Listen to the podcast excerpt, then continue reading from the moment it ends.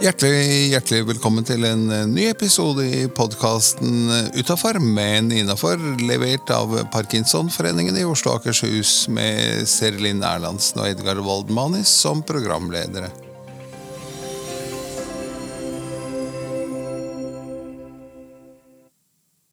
After a brief intro in Norwegian, we will continue this episode uh, totally in English.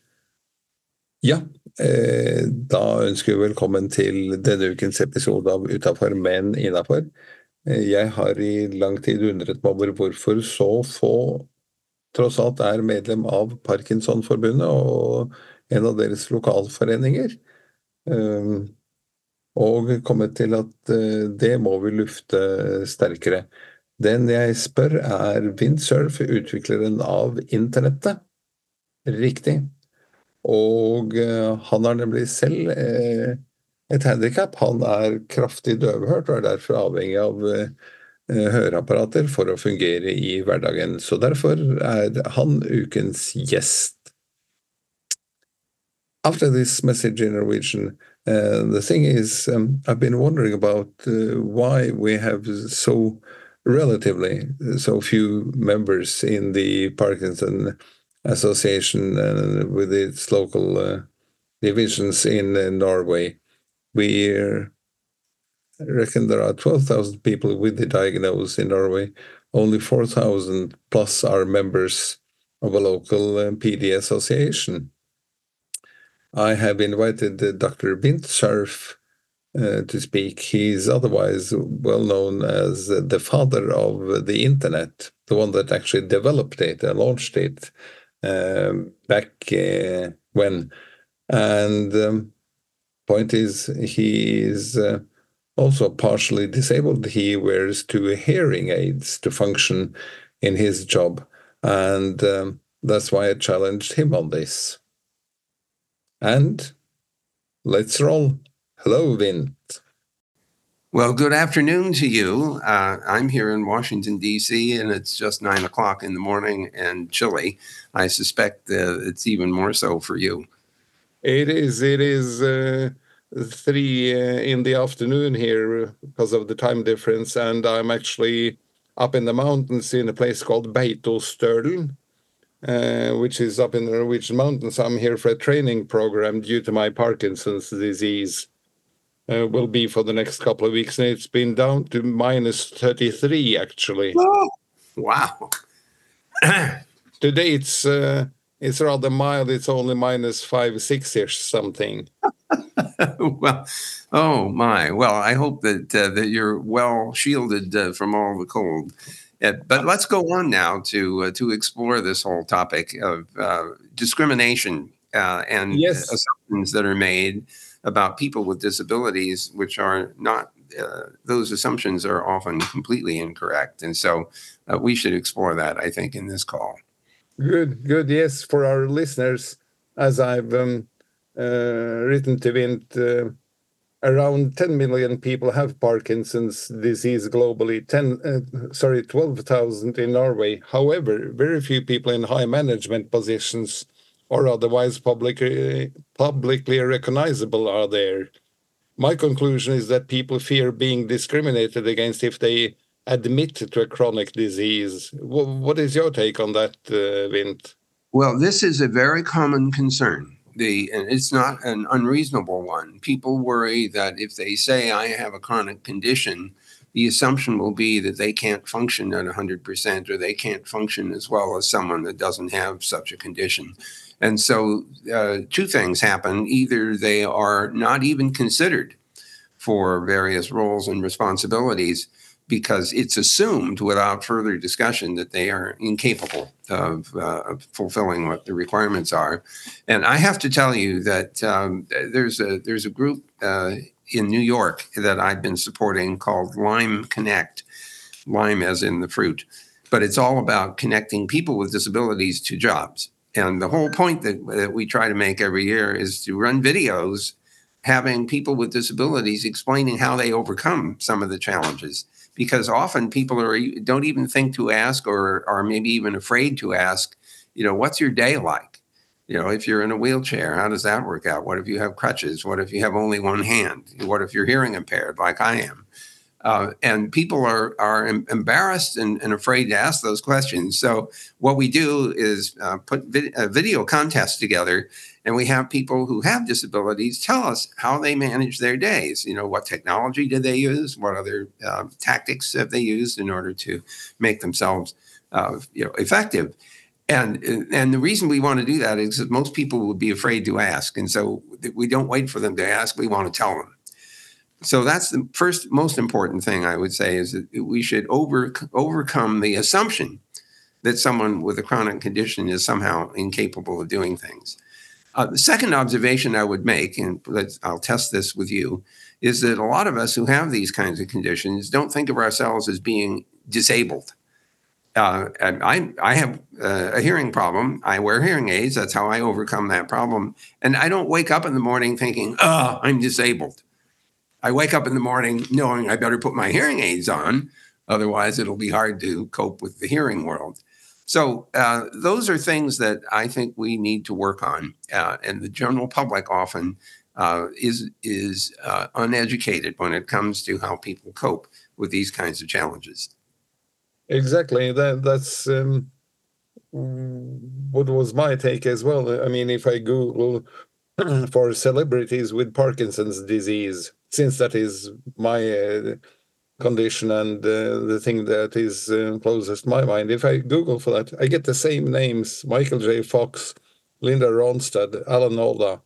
Well, the number of patients is growing, and then I would assume that there would have to be a growing list of celebrities as well, especially after a guy like Michael J. Fox has come out as widely as he ha- as he has.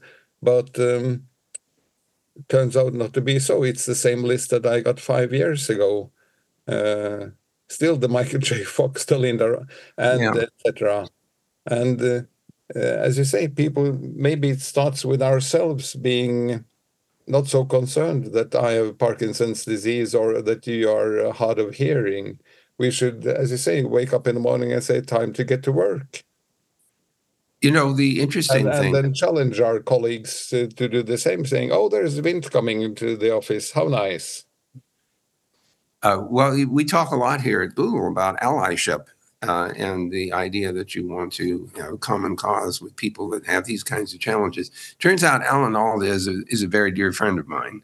Uh, and uh, I've come to know him, oh, perhaps in the last 15 or, or so years uh, well after his uh, his famous uh, stint in the MASH uh, television series. Um, and he's uh, a role model for many because uh, he clearly is happy to articulate what the problems are and how he copes with them, and he demonstrates that capability. So we, but we need to educate managers, especially, uh, to understand that because someone has uh, shared uh, a chronic condition or other disability, that they should not make assumptions. Do not make assumptions.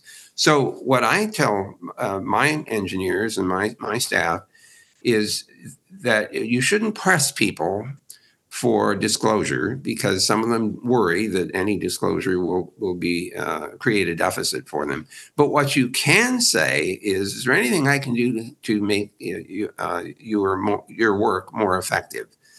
Make no assumptions about whether they have a disability or not. That question is appropriate for everyone.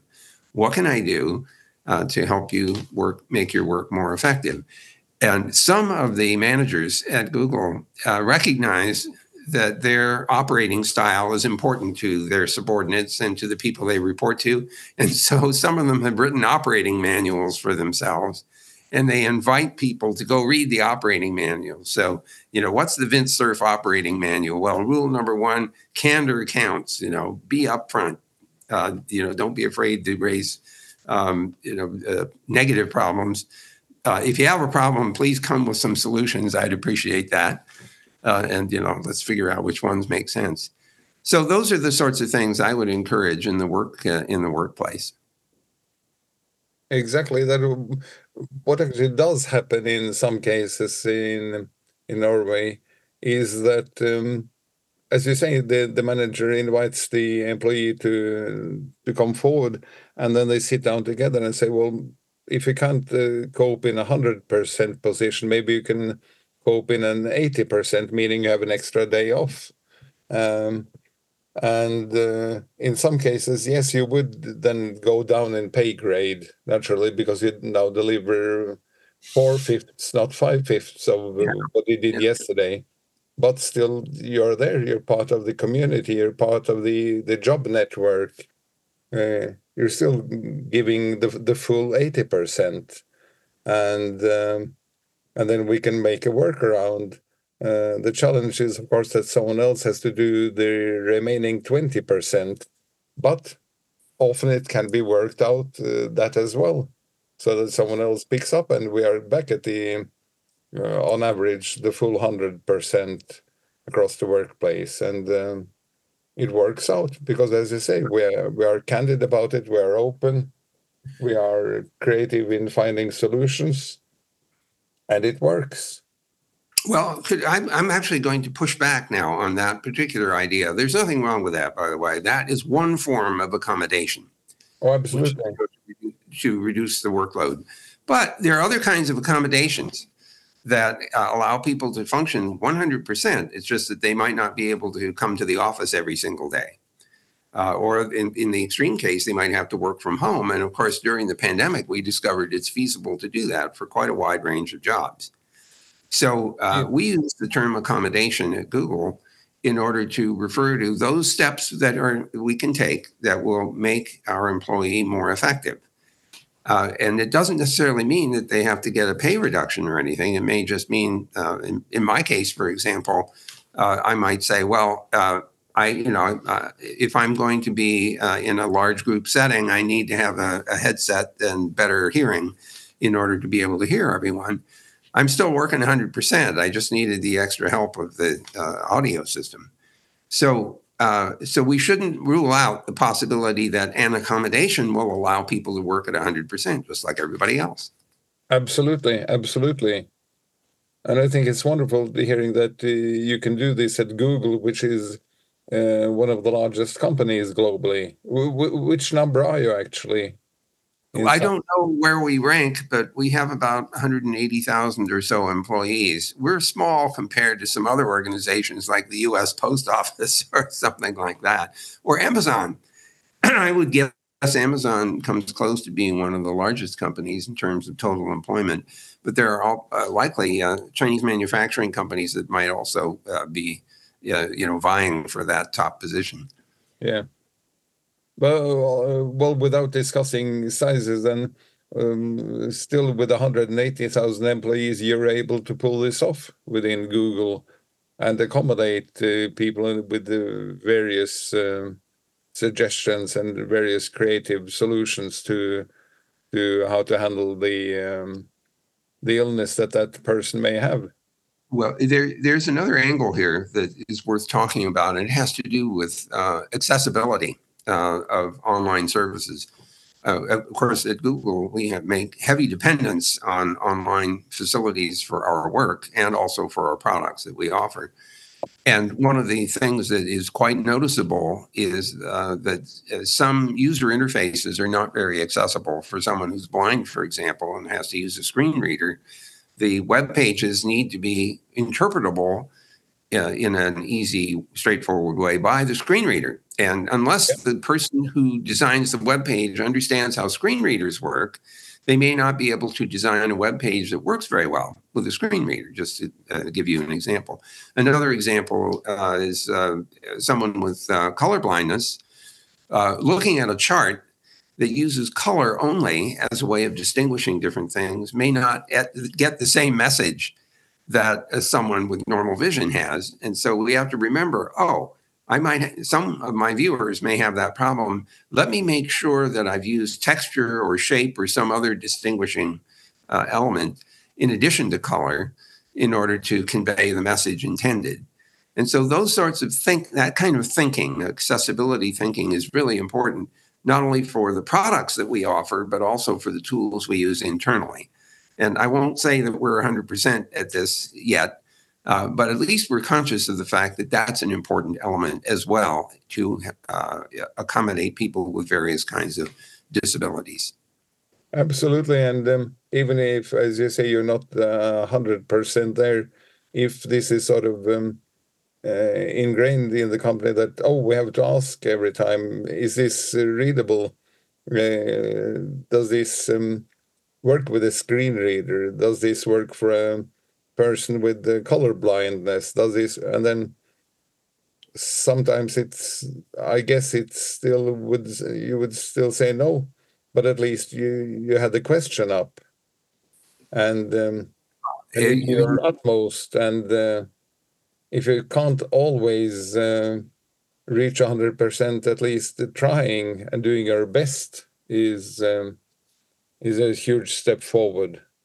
Well, this this raises one other uh, theme that, if you don't mind, I'm going to uh, harp on a bit and it has to do with building intuition for what works. And some, you know, giving someone a list of things that they're supposed to do to make something accessible uh, is better than nothing. But it turns out that seeing examples of, that don't work and examples that do work are often the best way of getting building intuition about what right. makes something accessible. And so I'm always looking for examples of this stuff didn't work and here's why. This stuff did work and here's why. Please look at all these various examples and, and sort of in, ingest the intuition so that when you're designing new interfaces, you'll have this in the back of your mind uh, and that the accessibility will turn out to be better. But learning by doing is a tremendously powerful tool. Back and back to the um, uh, hiring process and uh, job interviews, how do you um, avoid bias uh, in the interview phase? Saying you actually, uh, well, we we do several things. First of all, we train our managers. We have training programs. They are required to take these programs to know about accessibility and to know about disabilities and, and that sort of thing. The second thing is that for the interview process, we also uh, not only train people, but we also ask any candidate whether they need any assistive technology. Do they need captioning? Do they need uh, any other? Um, uh, you know, are they if they're coming to a face-to-face interview? Uh, do they need wheelchair accessible access to the to the interview? So we ask ahead of time. Please let us know what we need to do to accommodate this uh, this interview, um, uh, because we don't want people to be unfairly biased, their, their treatment to be unfairly biased uh, by these kinds of assumptions. That is excellent. How many other uh, companies uh, can you name that do the same thing? I don't know the answer to that question, but I can say that in the in the U.S. Uh, there is this thing called the Americans with Disabilities Act. It was passed over 30 years ago, and it puts a federal mandate on companies that are larger than some size that they must attend to uh, to these kinds of questions, that they must accommodate uh, for uh, for various kinds of disabilities, and there are penalties uh, for failure. Uh, you might not be able to get business from a federal government agency if you don't show that you are accommodating under the Americans with Disabilities Act. So, uh, so some companies undoubtedly are doing the same things that we are, uh, partly because of that, and partly, frankly, it's in their own best interest. Why the hell would you want to turn away someone with a brilliant mind just because uh, you know they uh, they have to use a wheelchair or they have to use crutches or they have only one hand or some other problem? Uh, you, you know that that doesn't make any good business sense, in my opinion. No, it is kind of short-sighted, but then we we all know that uh, people are uh, unfortunately often short-sighted. But um, I think this is very refreshing uh, to hear that um, you're working on this both from a government level and um, even in large companies like uh, Google that you actually do work um, specifically and uh, deliberately was the the word I was looking for uh, in challenging biases and um, and challenging assumptions and uh, inviting people uh, to come on board. If, if I could intervene one more time uh, on this whole bias, I'm I'm so glad that you chose that term. Uh, we have training programs at Google which have to do with exposing hidden bias. And I can tell you, most people, when you talk to them, think they're not biased. They think they don't have any prejudices at all. So we run them through this training program and we ask them a bunch of questions. And we ask sometimes the same question in various different ways. Uh, and then at the end, we show them that they have exhibited bias, even if they didn't realize that. And so we try to sensitize people to this concept of hidden bias so that you can mitigate against that. I'll give you another example. Uh, in our um, evaluation of performance and in our performance or in our, our promotional uh, system at Google, we require that there be a person participating in discussions about performance evaluation and promotion who is there specifically to make sure that the that the biases, if there are any, are exposed. They're responsible for saying, "Wait a minute, you know, I, this is what I just heard, and that is an, that's an indication of bias, and we should take that into account." So uh, we really try hard. I, I don't want to argue that that we're successful all the time, but the company has recognized exactly what you pointed out, which is some biases are hidden and they're not even under, recognized by the people who are biased. Exactly. Um, yes, because um, uh, as I said, we have um, an estimated 12,000 um, uh, people with Parkinson's in uh, Norway, and only 4,000 are members of a local um, Parkinson's disease wow. association. that's pretty good representation. Um, and and and that means the remaining 8,000 are are hiding out somewhere. True. Yes. And uh, and that worries me. Well, with the members association, which is voluntarily to, to be part of, you don't need to to do so uh, uh, because there's nothing um, like a paycheck isn't hanging on a membership or whatever. Mm-hmm. But still, 8,000 hiding out of 12,000 is um, 60%, two thirds. Well, I'm, I'm looking at this as the half is, you know, yeah, one third full or something.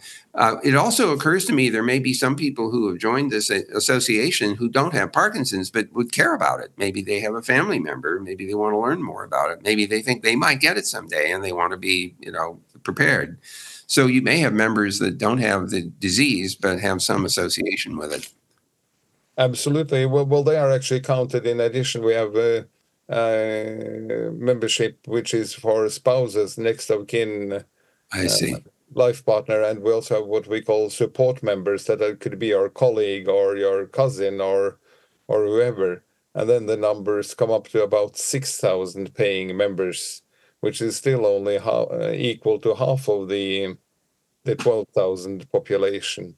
This is but true. If, if we could, um, as you say, work this into the work life, uh, first and foremost, that uh, that we can still function even if we have Parkinson's disease, and some of us shake and and uh, some have uh, lost part of their voice, uh, some are a bit stiff.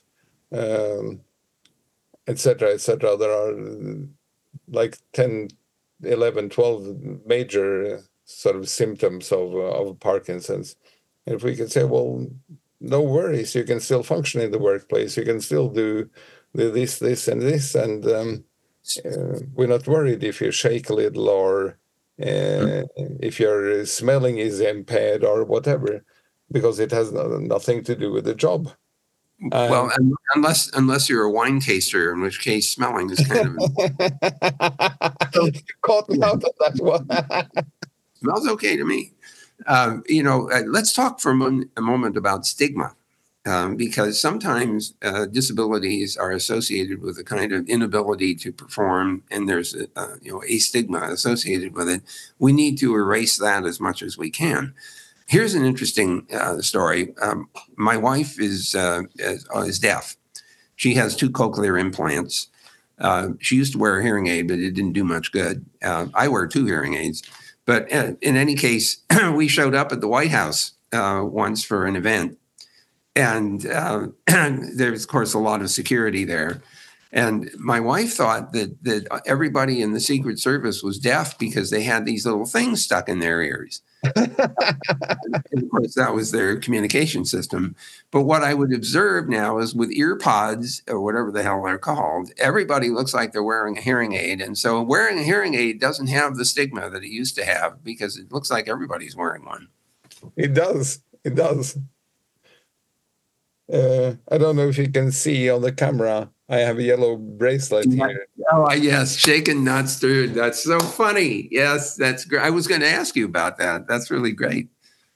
Does that mean when they ask what's your name, you say Bond, James Bond?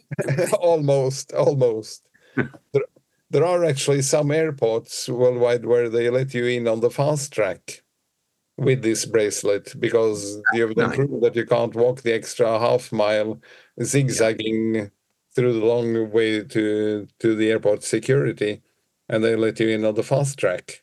That's wonderful. Uh, and it's it makes good sense uh, because people with some of these kinds of conditions are really not able to stand there for very long periods of time. Understood. Exactly. We're nearing the the um, end of this podcast episode. It uh, was wonderful having you as our guest of the week. Um, a kind of open mic towards the end. Is there anything uh, else you would like to speak about today that we haven't covered? I well, first of all, I want to thank you for even letting me on the show, and so I appreciate that very much. And second, I like the fact that you and your colleagues are so upfront about the condition uh, and don't hide that and, and want others to understand that this condition is not totally disabling. Uh, and we need to translate that observation and the actions of this particular organization into a similar understanding for other kinds of disabilities. Uh, and to, to remember that accommodation often turns out to be the, the um, tactic that makes people even more effective than they would otherwise be. So your work and the work of your organization is very important, not only in Norway, but in the rest of the world as well. Thank you. Thank you for that. And um, I was also hoping, I mean, uh, I could have asked uh, a number of guests, and then I was um, a little cheekier and said, well, maybe, just maybe I could get the the father of the internet to come on board and and speak because uh, he has a hearing problem as well, and maybe I could reach out. And uh, many thanks again for for coming forward yourself about your condition and and the way you work around it, um, and the way you evangelize within your company to to avoid other biases for uh, other illnesses.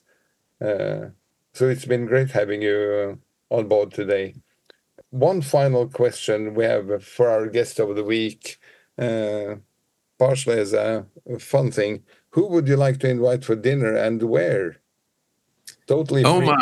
Interesting. And, does that mean somebody who is alive or somebody who? Uh, because uh, you know Isaac Newton would be a very interesting person to dinner with um, and, and, or Einstein for that matter. Um, you know, whenever I think about that question, I, I think about people whose work I have deep respect for and uh, whose management skills uh, I have a great deal of respect for. And so, one person is, who is a friend and with whom I have had dinners from time to time is Eric, former CEO of Google but I so admire his uh, capability to deal with a very, very diverse set of incredibly smart people. Uh, and uh, he manages uh, to uh, to make them all feel welcome and also productive. So that's Eric Schmidt. But you said you already have uh, had several dinners with him. I, I have. I guess if the if the if the question is only answered by some about someone I've not had dinner with, Oh, that uh, would be two people on the planet or something. The way you've traveled and uh, and met everyone on the globe. Well, I you know I I'll admit to great curiosity uh, uh to meet the the now uh, current King of England. I, I, I met his mother, but I have not met him, and I would be very interested uh, to have such a such an opportunity. That was interesting. I think the reason is I'm very curious about his perspective on the world. Absolutely, he's uh, very outspoken on that, and uh, and I'm also curious to hear uh, more from him on that. Where would you invite him to?